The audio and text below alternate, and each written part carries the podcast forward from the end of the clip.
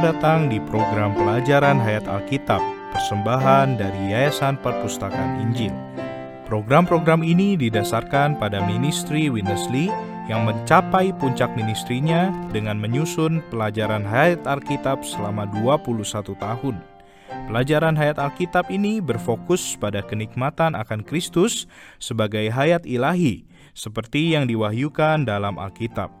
Kami berharap melalui program ini Anda akan dibawa ke dalam kenikmatan yang lebih dalam akan kitab suci dan Tuhan Yesus kita yang terkasih dan mustika. Sekarang mari bergabung dengan program hari ini. Takdir kita di dalam Kristus seperti yang akan kita lihat hari ini bukanlah untuk mati dan naik ke surga, tetapi untuk menjadi ahli-ahli waris yang mulia yang sepenuhnya diserupakan kepada gambar putra sulung Allah. Selamat datang di program pelajaran Hayat Alkitab bersama Saudara Winnesley, persembahan dari Yayasan Perpustakaan Injil. Pelajaran Hayat Alkitab ini adalah pekerjaan selama 21 tahun dari seorang hamba Kristus yang setia, Saudara Winnesley. Saudara Winnesley menyelesaikan pekerjaan ini pada tahun 1995 dan dengan sepenuh hati kami mempersembahkan kepada Anda cuplikan rekaman eksposisi dari firman Tuhan ini.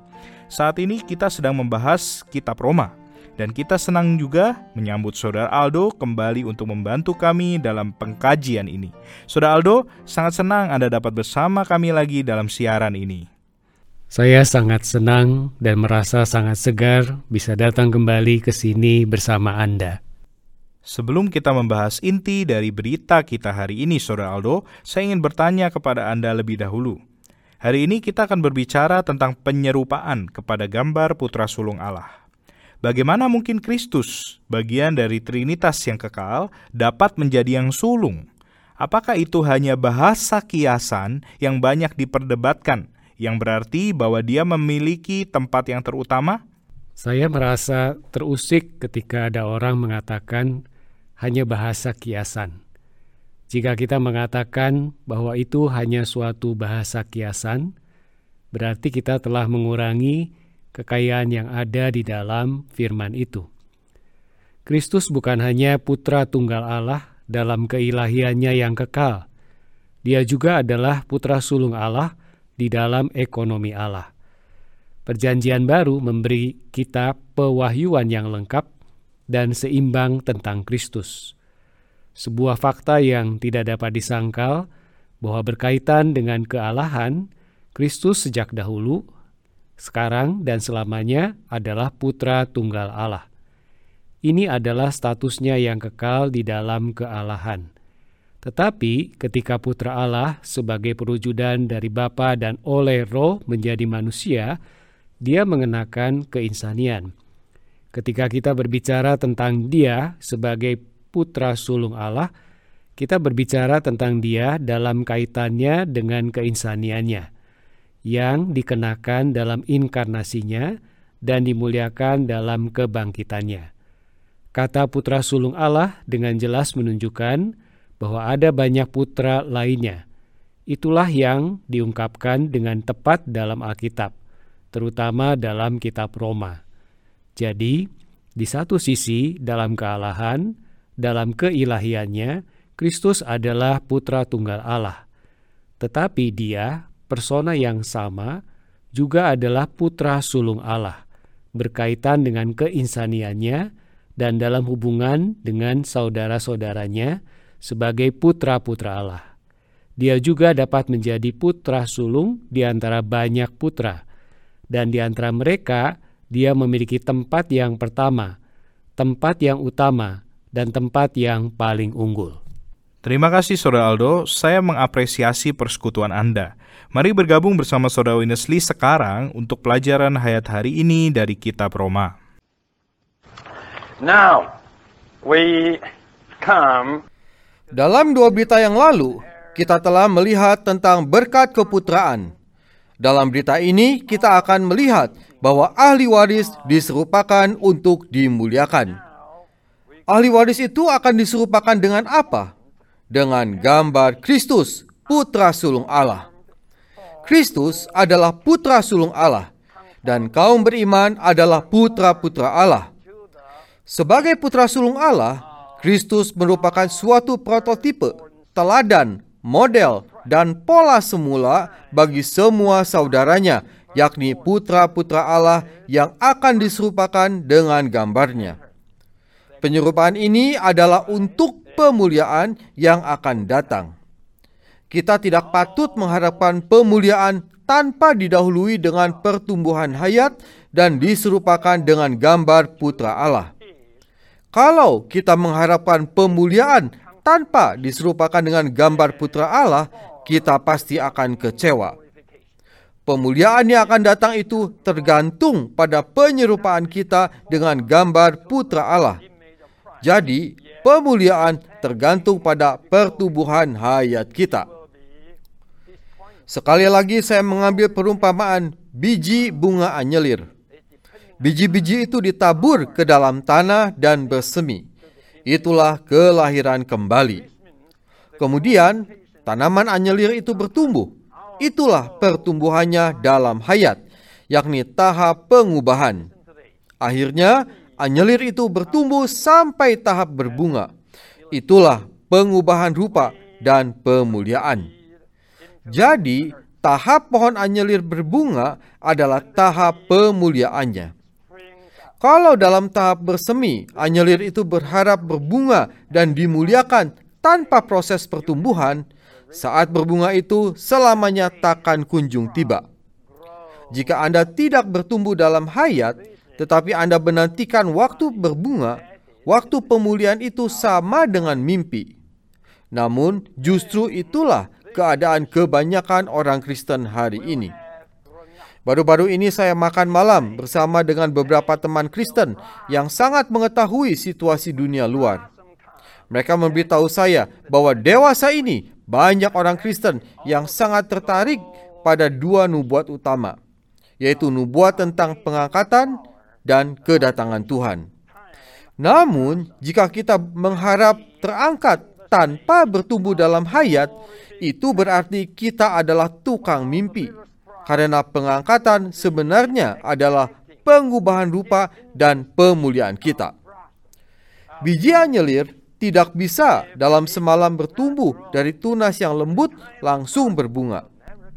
Coba pikir, jika sebatang pohon anyelir yang masih berupa tunas lembut bermimpi ingin dalam semalam bertumbuh langsung berbunga, itu hanya mungkin terjadi dalam mimpi, bukan dalam kehidupan yang real. Sebab pertumbuhan yang abnormal mutlak berlawanan dengan hukum hayat. Menurut hukum hayat, sebatang pohon anyelir harus bertumbuh sedikit demi sedikit hingga mencapai kematangannya. Setelah itu, barulah ia berbunga. Demikian juga, kita harus bertumbuh sedikit demi sedikit hingga mencapai kedewasaan. Begitu kita mencapai tahap berbunga, kita siap untuk diubah rupa dan dimuliakan. Maka pengubahan rupa dan dimuliakan hanya bisa tercapai apabila kita sudah matang. Banyak orang Kristen hidup dalam mimpi. Walau banyak orang Kristen yang berharap akan diangkat ke angkasa, namun pada akhirnya mereka malah masuk ke dalam tanah. Dalam satu setengah abad terakhir, banyak nubuat yang aneh-aneh mengenai kedatangan Tuhan kali kedua. Bahkan ada banyak orang yang disebut guru nubuat yang berani memastikan hari turunnya Tuhan ke angkasa. Akan tetapi, setahun demi setahun telah berlalu dan tidak terjadi apa-apa. Semua ramalan mereka tidak terwujud. Saudara Aldo, ini gambaran yang sangat mencolok tentang proses kehidupan bunga anyelir dari biji sampai mekar, yang benar-benar menggambarkan proses pemuliaan. Tetapi kita tidak bisa membiarkan begitu saja hubungan yang dibuat saudara Winnesley antara gambaran pemuliaan ini dengan pengharapan akan pengangkatan kita tanpa beberapa komentar. Sebagai kaum beriman, kita semua memimpikan pengangkatan itu. Tetapi pertanyaannya, apakah kita pernah mempertimbangkan bahwa di dalam diri kita harus terjadi pertumbuhan benih itu sebelum pada akhirnya kita mekar? Memang ada orang yang mempertimbangkan hal itu, tetapi kebanyakan orang tidak mempertimbangkannya. saya agak familiar dengan berbagai ajaran tentang pengangkatan dan sangat jarang menemukan ajaran yang mengaitkan pengangkatan dengan pertumbuhan dan kematangan hayat. Kami menemukan kaitan ini dengan jelas diilustrasikan di dalam kitab Wahyu pasal 14, di mana Anda memiliki buah sulung dan Anda memiliki tuayan itu. Seperti yang kita ketahui, buah sulung adalah buah yang pertama matang dan dipetik terlebih dahulu. Prinsip yang sama berlaku untuk pengangkatan. Pengangkatan bukanlah tindakan asal pilih, juga bukanlah pengangkatan massal seluruh kaum beriman tanpa memperhatikan tingkat pertumbuhan rohani mereka. Pengangkatan berhubungan dengan mekarnya hayat ilahi di dalam diri kita. Jadi, di pihak kita, kita sebagai tanaman yang tumbuh di ladang Allah perlu bertumbuh hingga matang sehingga kita siap untuk diangkat.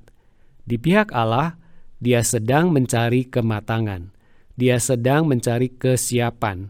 Dia sedang mencari perkembangan di antara mereka yang akan diangkat lebih dulu untuk bersama dengan Dia. Yang penting di sini adalah kita perlu mengaitkan pengangkatan dengan hayat yang melibatkan pertumbuhan dan kematangan. Di sini kita perlu berbicara dengan jelas kepada pendengar kita. Jika kita tidak siap, jika kita belum matang, kita tidak akan diangkat sebagai buah-buah sulung. Ini adalah pemikiran yang cukup mengejutkan dan serius, tetapi inilah kebenaran itu. Mari bergabung kembali bersama Saudara Inesli untuk mempelajari lebih lanjut tentang pelajaran hayat hari ini. One principle I do know, that is, Saudara, dalam batin roh saya, saya mengenal satu prinsip bahwa diangkat adalah hasil dari kematangan. Dalam Perjanjian Baru, pengangkatan diibaratkan seperti penuaian. Penuaian hanya mungkin terjadi apabila tanaman sudah masak. Kalau belum masak, masih hijau, bagaimana bisa dituai? Itu tidak mungkin terjadi. Saudara-saudari, lihatlah keadaan umat Tuhan hari ini. Lihatlah ladang, sudah masakkah? Percayakah Anda menurut keadaan pertumbuhan sekarang penuaian bisa dilakukan dalam waktu dekat ini? Tidak mungkin. Pandanglah ladang-ladang. Tidak ada tempat yang benar-benar sudah masak. Meskipun di seluruh pelosok dunia ini terdapat puluhan juta orang Kristen sejati, hasil penginjilan dalam dua abad terakhir ini, hasil para misionaris menginjil ke pelosok-pelosok bumi, namun sedikit sekali yang matang. Di manakah pertumbuhan hayat yang sesungguhnya? Hampir-hampir tidak ada pertumbuhan, pun tidak ada yang masak. Kalau demikian halnya, bagaimana kita bisa mengharapkan penuaian? Saya berani mengatakan bahwa penuaian tidak bisa dilakukan kecuali tanaman sudah masak. Janganlah menyelidiki nubuat dengan cara yang aneh. Banyak penulis telah berbuat demikian, dan akhirnya semua dipermalukan. Kita wajib tahu bahwa pemuliaan dan pengubahan rupa tergantung pada pertumbuhan hayat kita yang mencapai kematangan. Bila kita ingin dimuliakan, kita harus bertumbuh, sebab pemuliaan adalah hasil dari kematangan. Saudara Aldo, jika kita bisa, saya ingin meluangkan lebih banyak waktu dalam hal pengangkatan ini. Kita benar-benar mengambil pandangan yang berbeda hari ini daripada pandangan umum yang menganggap ringan pengangkatan itu. Izinkan saya bertanya kepada Anda secara singkat, apakah pemikiran bahwa pengangkatan memerlukan pertumbuhan dan kematangan itu berlawanan dengan janji kasih karunia? Dan apakah pengangkatan ini berhubungan dengan perbuatan baik? Tidak, kita tidak menerima pengangkatan melalui perbuatan baik dengan kesalehan.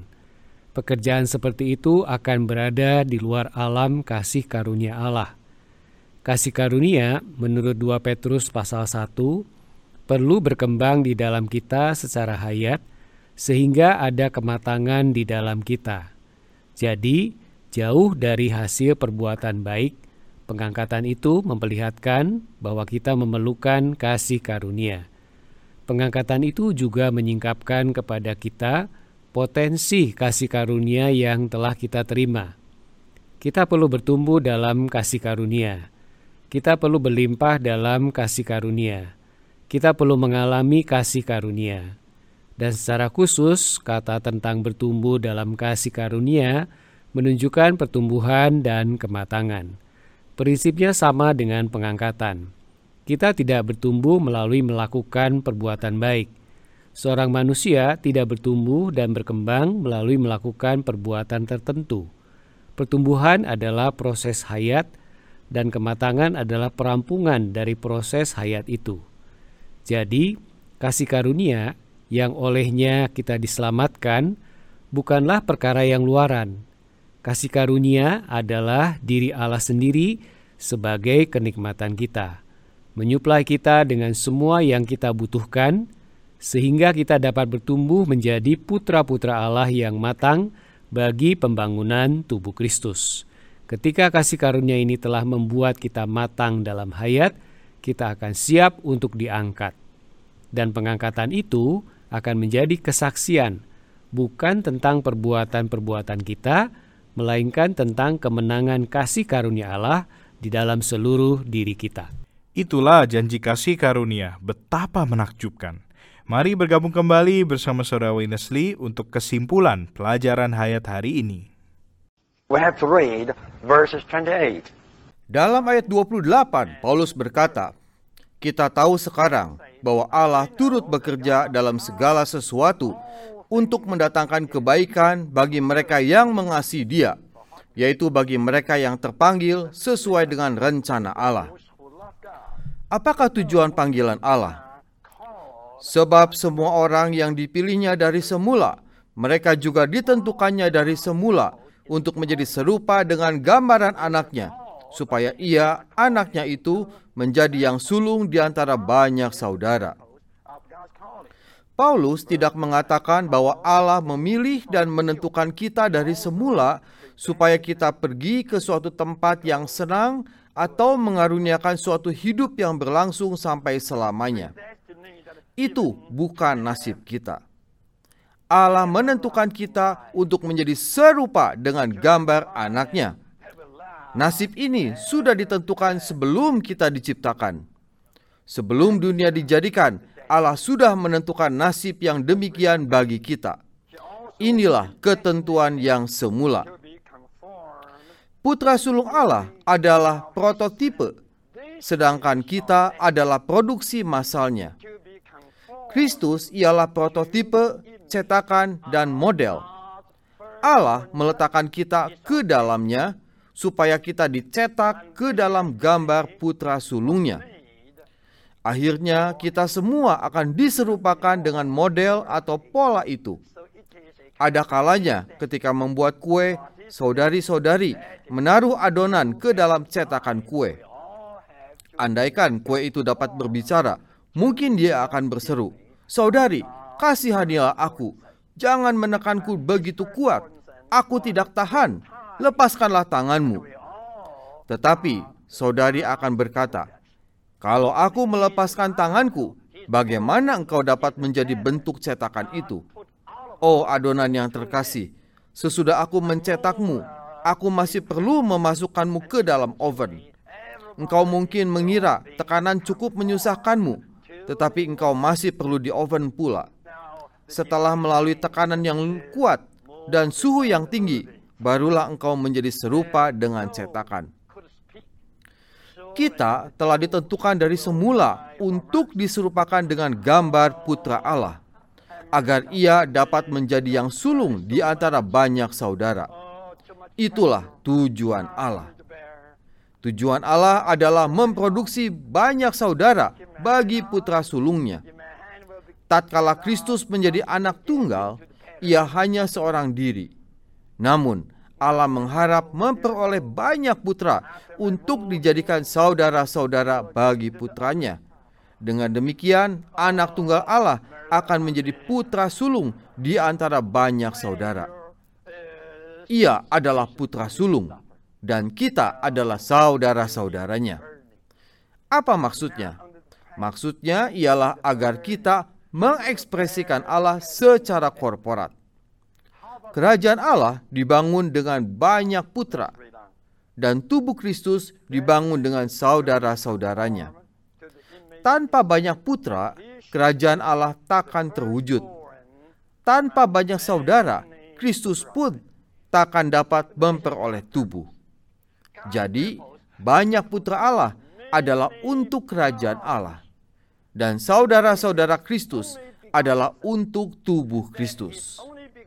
Kerajaan Allah ialah kehidupan tubuh, dan kehidupan tubuh dalam gereja adalah kerajaan Allah, tempat Allah diekspresikan dan tempat kuasa Allah dilaksanakan di bumi. Inilah tujuan Allah. Saudara Aldo, ini benar-benar pemikiran yang mendalam bahwa takdir kita adalah diserupakan kepada gambar putra sulung Allah – saya ingin bertanya kepada Anda tentang kalimat yang sulung di antara banyak saudara. Bagian ayat ini menurut saya paling sering diabaikan. Tetapi kalimat ini benar-benar menunjukkan arah tujuan kitab Roma dan bahkan seluruh Alkitab, bukan? Ya, keputraan adalah perkara yang sangat penting dan vital dalam Alkitab. Kitab Efesus pasal 1 memberitahu kita bahwa kita telah ditandai ditakdirkan ke dalam keputraan. Dalam kitab Roma, pada pasal-pasal awal banyak disinggung mengenai orang berdosa. Tetapi orang-orang berdosa ini telah dibenarkan oleh kasih karunia melalui iman dan dilahirkan dari Allah Sang Roh menjadi anak-anak Allah. Sekarang roh itu bersaksi bersama-sama dengan roh kita bahwa kita adalah anak-anak Allah. Keputraan menyiratkan pertumbuhan dari hayat ilahi di dalam anak-anak Allah menuju kematangan. Putra-putra Allah yang merupakan saudara-saudara Kristus juga merupakan anggota-anggota tubuh Kristus. Sasaran Allah yang terlihat di dalam Efesus dan Roma adalah tubuh Kristus sebagai ekspresi korporat Allah Tritunggal di dalam Kristus. Pada manusia, tubuh itu memiliki banyak anggota. Pada Kristus, anggota-anggota tubuh itu putra-putra Allah. Jadi, sebenarnya ekspresi korporat yang dikehendaki Allah itu tersusun dari Kristus putranya di antara banyak saudara, banyak putra Allah yang diserupakan kepada gambar Kristus sebagai putra sulung Allah. Alkitab sedang mengarah ke dalam ekspresi korporat yang mulia dan kekal dari Allah Tritunggal di dalam Kristus. Jadi, Allah ingin bukan hanya ada satu ekspresi individual di dalam Kristus. Dia ingin Kristus diperbesar, yaitu dia direproduksi menjadi banyak saudaranya, banyak putra Allah. Kemudian putra sulung dan banyak putra Allah itu bersama-sama akan menjadi ekspresi korporat Allah. Dalam ekspresi korporat ini, dia yang sulung akan menempati tempat yang terutama di dalam banyak saudaranya, banyak putra Allah. Saudara Aldo, kami sangat senang Anda dapat kembali untuk bersekutu lebih jauh pada pelajaran hayat hari ini. Dan sebelum Anda undur diri, besar harapan kami Anda bisa segera bergabung lagi. Beritahu saya jika Anda membutuhkan saya. Dan dengan kasih karunia Tuhan, saya akan berada di sini bersama Anda. Kami memiliki lebih banyak berita yang kaya dari pelajaran hayat Roma dalam beberapa hari dan minggu mendatang. Kami menantikan kehadiran Anda kembali bersama kami besok. Terima kasih telah bergabung dengan program kami hari ini. Terima kasih telah mendengarkan pelajaran Hayat Alkitab bersama Saudara Witness Lee. Program-program ini didasarkan pada berita-berita yang disampaikan Saudara Witness Lee ketika dia melakukan studi Alkitab kitab demi kitab yang komprehensif yang menunjukkan bagaimana Kristus adalah hayat bagi manusia. Baik Anda mendengarkan pelajaran hayat ini melalui Spotify atau YouTube, kami harap Anda bisa juga mengunjungi situs website kami pelajaranhayat.com. Di sana Anda akan menemukan lebih dari 1700 program audio yang mencakup setiap kitab di dalam Alkitab. Sekali lagi, terima kasih telah mendengarkan.